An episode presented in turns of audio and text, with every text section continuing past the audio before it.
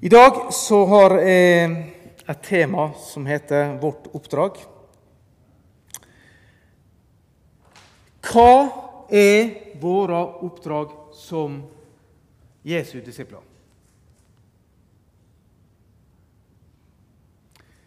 Hvis vi ser rundt oss, så tror jeg at noen som er kristne, tror at det er å prøve å finne et eller annet som kan tilfredsstille dem.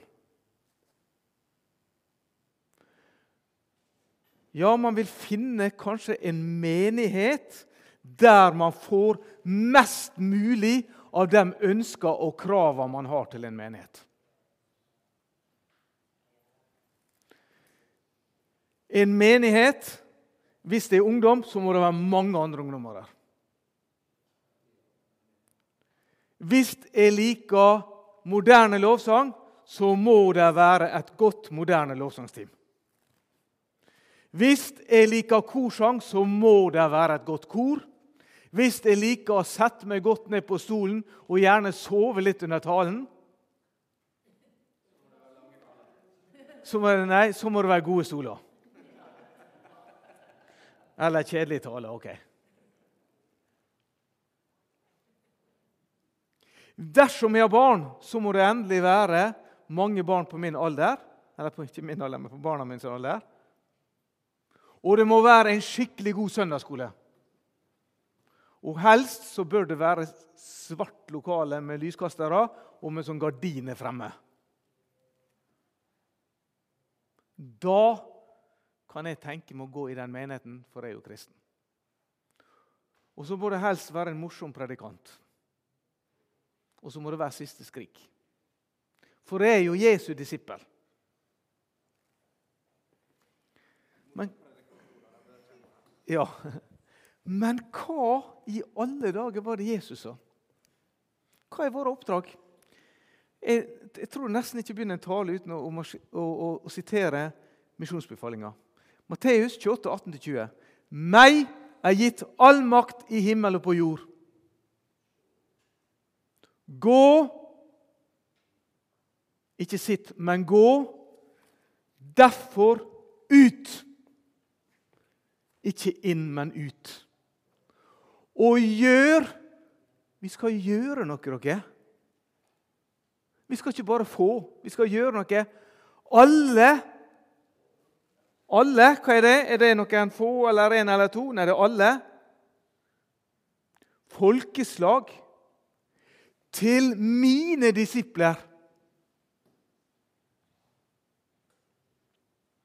I det dere døper dem i Faderens, Sønnens og Den hellige ånds navn, og lærer dem å holde deler av det jeg har befalt dere. Nei, alt det jeg har befalt dere. Og se, jeg er med dere noen dager, enda en stund. Nei, alle dager inn til verdens ende. Wow! Og det er løftet vi får hvis vi gjør oppdraget. Oppdraget er å gjøre alle mennesker til hans disipler. Døpe dem i Faderens, Sønnens og Den hellige ånds navn og lære dem å holde alt jeg har befalt dere. Så skal han være med oss alle dager inn til verdens ende. I Markus 16, 15, 18 så står også misjonsbefalinga. Og den er så radikal at jeg leste en som mente at egentlig var det vranglære. Men det var jo Jesus som sa det, så da var vel Jesus vranglærer, da. Eller?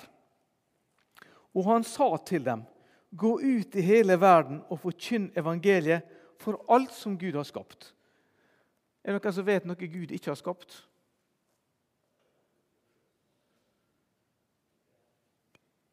Tja. Den som tror og blir døpt, skal bli frelst. Men den som ikke tror, skal bli fordømt. Og disse tegnene skal følge dem som tror. I mitt navn skal de drive ut onde ånder. De skal tale nye tungemål. De skal ta slanger i hendene. Om de drikker dødelig gift, skal det ikke skade dem. Og når de legger hendene på de syke, så skal man ikke utelukke at de muligens kanskje skal bli friske, men du må ikke regne med det. Nei. Og når de legger hendene på de syke, så skal de bli friske.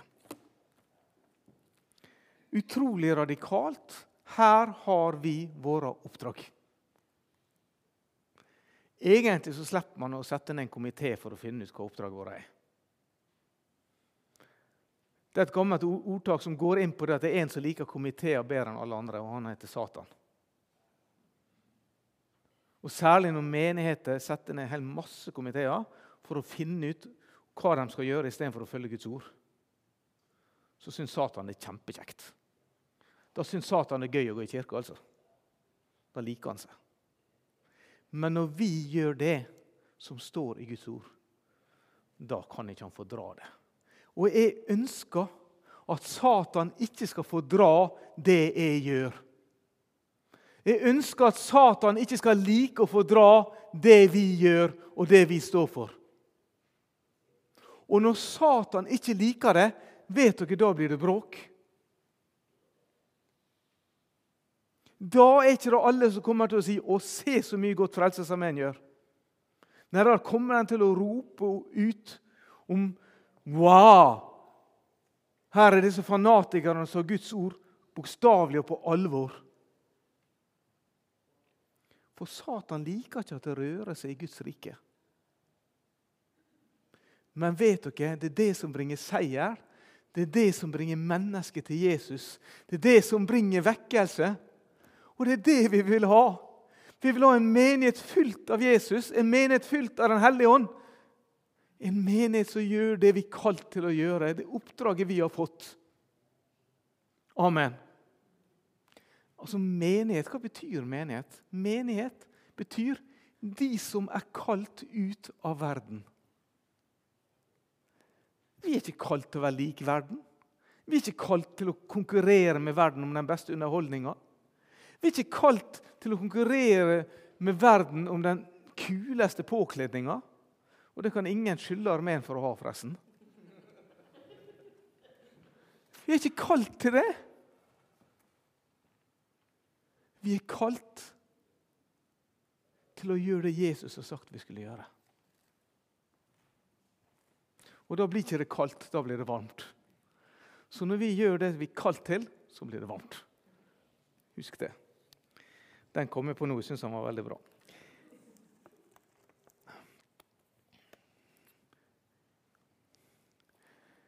Jesus sa også til disiplene sine i Matteus 10, 7-8, så sa han følgende.: Gå og forkynn. Himmelriket er kommet nær. Helbred syke. Vekk opp døde gjør spedalske rene og driv ut onde ånder. Gi som gave det dere fikk som gave, eller for intet har dere fått det, for intet skal dere, dere gi det. Det er helt fantastiske ord. Egentlig så kan vi kompromittere Ikke kompromittere, men vi kan Komprimert så kan vi si at det kallet vi har fått, det finner vi i Markus 1, 17 eller Matteus 4, 19. Det parallellsted.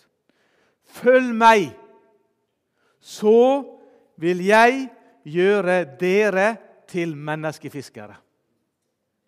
Følg meg, er våre kall. Så skal vi gjøre andre til menneskefiskere. Det står faktisk ikke Finn deg en menighet som passer godt for deg. Protester og vær passelig sur, så du får mest mulig av viljen din.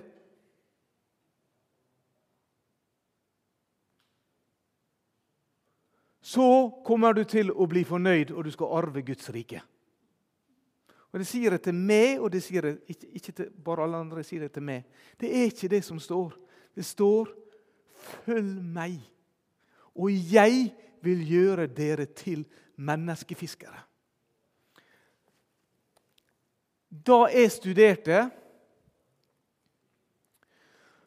så var jeg likte å se på meg sjøl som en radikal kristen. Å, jeg var så radikal at jeg gikk i den menigheten der alle andre studenter gikk. Wow! Det var radikalt, det. Og jeg gikk og hørte på siste mote av sanger og lovsanger. Wow! Tenk hvor radikalt! Og gjør det alle andre på min alder gjorde. Vet dere, Jeg trodde faktisk det var radikalt. Helt til det kom en og sa til meg, og det var en Frank Aabyholm. En del av dere vet hvem han Frank Aabyholm er. ikke sant? Han har reist mye rundt i armeen. Professor, doktor med. Han sa hvis du vil være radikal, så skal du finne en menighet der det er ingen under 80 år, og så skal du starte søndagsskole. Da er du radikal. Og det er jo sant. Da ville jeg vært radikal. Eller hvis de gikk ut på gata og sa 'omvend dere, for himmelriket nær'. Da ville jeg vært radikal. Men kallet vårt dere er 'følg meg', og jeg vil gjøre dere til menneskefiskere. Første møte Jesus hadde med disiplene han møtte dem. Noen gjorde ditt, og noen gjorde datt. Hva det første han møtte dem med, var? Hallaisen? Nei. Har du lyst til å være med med kirka? Vi har et kjempebra hornorkester der. Kjempebra lovsangsteam. Og det er fantastiske stoler å sitte i. Og det er mange på din alder. Var det han sa? Nei, han sa 'følg meg'. Følg meg. Og de som satt og så på han, og de fikk jammen meg lyst til å følge han. Så tenkte de ok, det blir gøy, nå skal vi følge han. Og Vi vet jo han gjør under. Han har jo vært i bryllup og gjort vann til vin og alt mulig. Han er gøy å følge. Han kan gjøre alt mulig. han. Hoho, dette blir stas, dere. Men så var det neste setning, da. Og jeg vil gjøre dere til menneskefiskere. Det vil si at disiplene som ble kalt, de måtte gå ut og forkynne og evangelisere for andre i en verden som var virkelig negativ til evangeliet, som var negativ til dem. En verden som kom til å korsfeste Jesus, en verden som kom til å drepe flere av disiplene. Der skulle de gå ut og forkynne evangeliet og gjøre andre til menneskefiskere. Det var slutt på gleden og jubelen når det kuler med en gang, egentlig. Men de ble med han, og de gjorde det.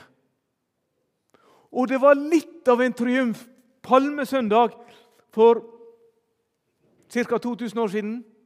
Litt mindre sannsynligvis. 1990 eller et eller annet sånt da Jesus rei inn i Jerusalem.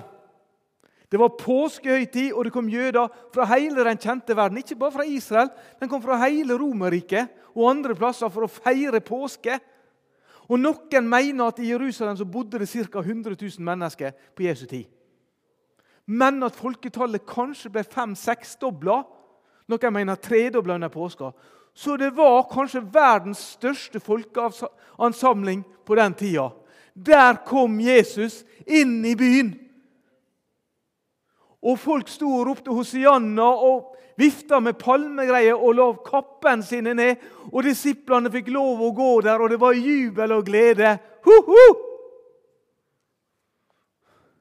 I noen dager. Og så ble Jesus arrestert.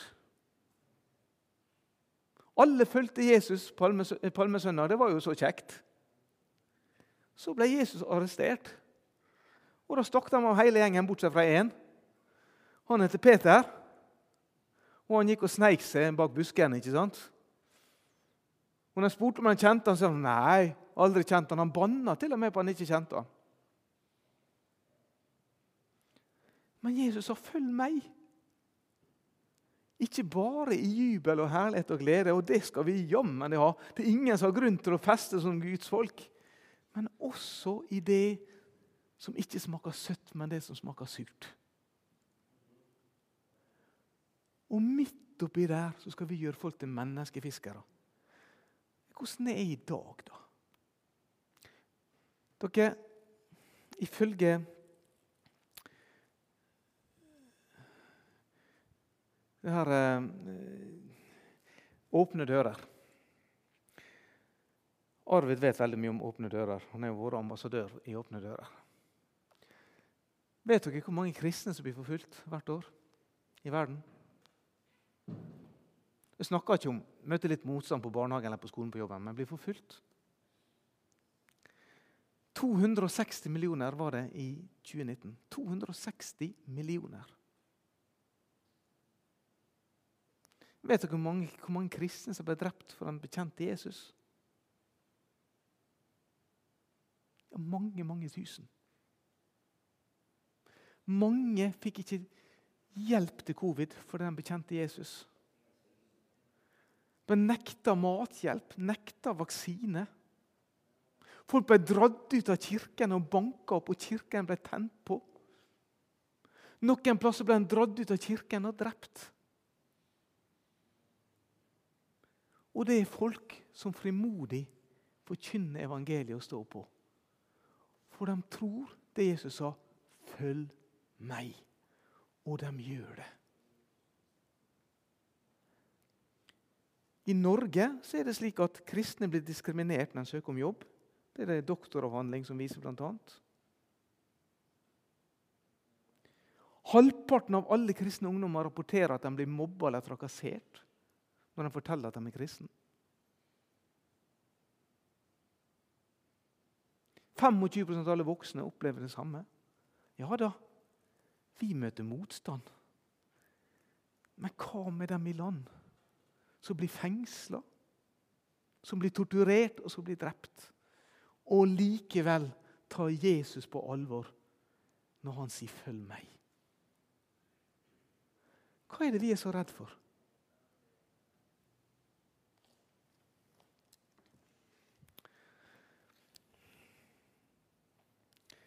Så Jesus han har kalt oss til å følge han. Han har ikke kalt oss til å være religiøse, til å si frem bønner, til å tenne lys, til å ha masse seremonier. Han har ikke kalt oss til det. Han har ikke kalt oss til å ha god moral. Ja, det er flott at vi har god moral, men han har ikke kalt oss til det. Han har heller ikke kalt oss til å si at han skal følge oss. Det er noen som gjerne vil at Gud skal følge dem istedenfor at de skal følge Gud. Så sier man ja, ja. Men husk på at det som står i Bibelen, er skrevet for så lenge siden, så det gjelder ikke lenger. Så Gud har helt sikkert ombestemt seg i dag. Men han har ikke det. Han har heller ikke kalt oss til aktiviteter. Og Ofte er det slik at menigheten tror at Gud har kalt oss til aktiviteter. Vi må opprettholde alle aktiviteter vi har hatt i 100 år, og så må vi komme med de nye, for vi vet om en menighet i en annen by der den fungerer. så vi må ha den aktiviteten også.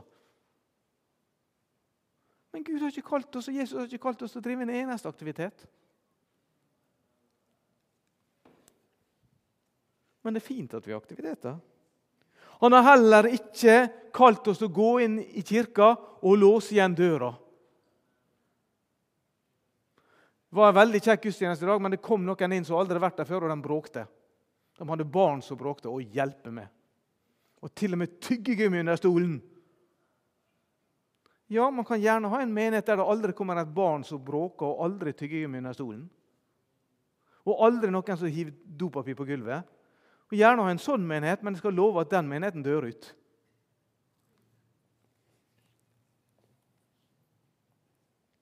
Han har heller ikke kalt oss til å ha koseklubb.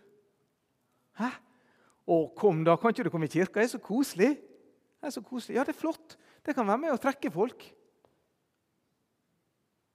Men det er en jeg bruker å, å sitere, det er Reinhard Bunke ikke sant? angående kosing. Hva sa, hva sa Reinhard Bunke? Det skal være vanvittig mye kaffe og kake til for å kompensere for Den hellige ånd. Det skal enorme mengder. Og du kommer til å slite det ganske kraftig ut før du får det til. Han har heller ikke kalt oss til å bygge et kirkesamfunn eller følge en organisasjon. Ja da, det kan vi gjøre, men det er ikke det som er kallet vårt. Og han har ikke kalt oss til å følge personer. Det er Jesus vi skal følge. Vi er nemlig kalt til det aller beste i verden. Vi slipper det nest beste og vi slipper det tredje beste. Vi får det beste. Vi kan følge Jesus, kongenes konge, herrenes herre. Han som har all herlighet, han som har all kraft og all makt. Han er vi kalt til å kalle, og det er mye bedre enn alt det andre. dere. Jeg skal garantere det tusen ganger bedre. Og da spiller det ingen rolle at Brann taper hver eneste kamp.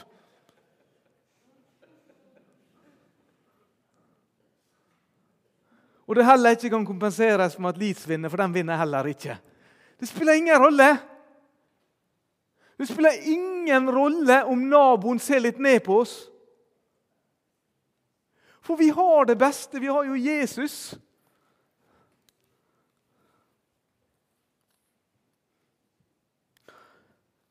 Hva vil det si å følge Jesus? Jo, for det første Jeg skal snart avslutte. Han kalles til å være disipler. Matteus 28, 18. Meg er gitt all makt i himmel og på jord. Gå derfor ut og gjør alle folkeslag til medlemmer i Frelsesarmeen. Nei. Til medlemmer i Den norske kirke? Nei. Det er bare i Norge i tilfelle, men ok. Gjør alle folkeslag til mine disipler. Disipler er en elev som gjør som læreren har sagt. Vi er kalt til å være Jesu disipler. Å, hvor heldige disiplene var da i Jesu tid. De får gå og vandre sammen med Jesus, gå bak han og se han gjøre under mirakel, og se han jage vekk de skriftlærde, og se han gjøre alt verdens ting. Mette 5000 pluss kvinner og barn. Wow! De var heldige, de som fikk lov å være disipler. Men du er jo også kalt til å være disipler. Og er Jesus noe svakere i dag enn han var før, da? Nei. En av de mest utrolige historiene jeg vet om. Og det er ikke jeg som dikta opp. Jeg satt og så på NRK, og alt NRK sier, er sant. Nei, det er ikke det, men ok. Der satt jeg har fortalt det før, der satt en av Norges fremste ateister. Han var lege, og han heter Hva het han igjen? Han hadde sløyfe. Fyggelia, han satt der. Per Fugelli satt og fortalte at han satt på terrassen på hytta si sammen med kjæresten. Og kjæresten var kona. Han kalte alltid kona for kjæreste. Og der satt vi en påskemorgen, sa han. Og der kom det noen sangsvaner på Jæren i et vann.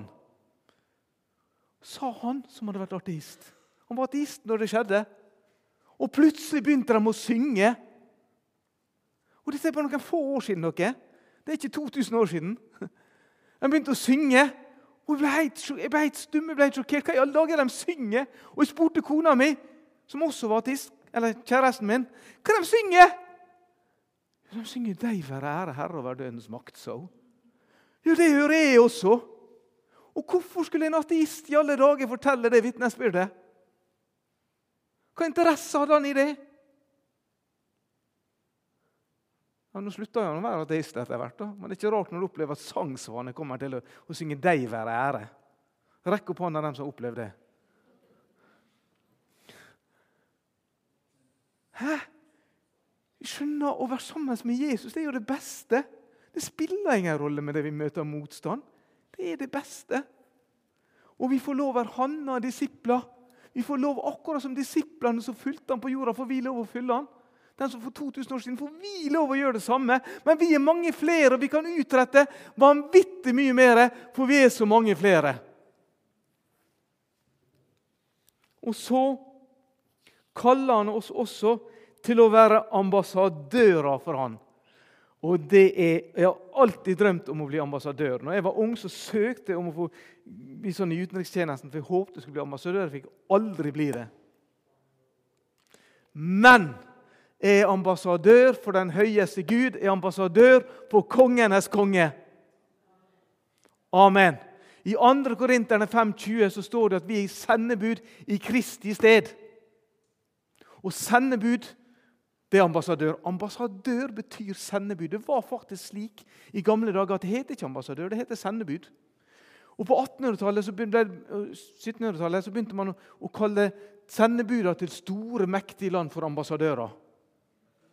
Og Nå heter de ambassadører alle sammen, men vi er sendebud i Kristi sted. Vi er ambassadører i Kristi sted. Og En ambassadør han representerer landet sitt.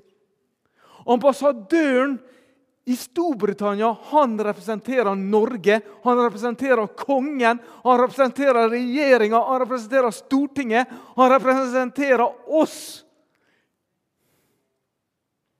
Tenk for en autoritet! Tenk for en høy posisjon! Og vi er sendebud, vi er ambassadører i Kristi sted. En ambassadør, når han tegner, når han skriver navnet sitt, så er det som statsoverhodet i det landet har skrevet der. Det er som kongen har skrevet der. For han gjør det i kongens sted. Og vi ambassadører i Kristi sted. Det vil si at vi har autoritet på vegne av Jesus sjøl. Det som vi skriver når jeg skriver Ola Grytten for Jesus. Wow! Det betyr at når jeg ber, så kan jeg forvente at det skjer noe. Jeg kan forvente at det er sant, det som står i misjonsbefalinga. Det er sant, det som står i Markus. Men hvis jeg tror at jeg ikke er ambassadør, men jeg egentlig er bare en stakkars liten synder som helst burde ha lagt under stolen og gått med hodet under armen og armen i bind hele livet, så er det ikke sikkert jeg tør å be med autoritet og med tro. Men når jeg vet at det er Kristi sendebud ambassadør, da kan jeg be ifølge Guds ord og forvente at ting skjer. Hør her. Å følge Jesus være hans disippel, det er helt fantastisk. Det medfører plikter, og det medfører rettigheter. Vi har et oppdrag. Et stort oppdrag. Følg meg, og jeg vil gjøre dere til menneskefiskere. Takk, Jesus, for at du er mektig Gud. Takk for det sant, alt du har sagt. Takk at vi får lov å være menneskefiskere. Vi får lov å gå og vinne andre for det, Jesus, uten å være redd. Takk, Jesus, for vi får lov til det. Takk for vi får lov å være ambassadører og utbre ditt rike under autoritet og fullmakt fra deg. I Jesu navn. Amen. Amen.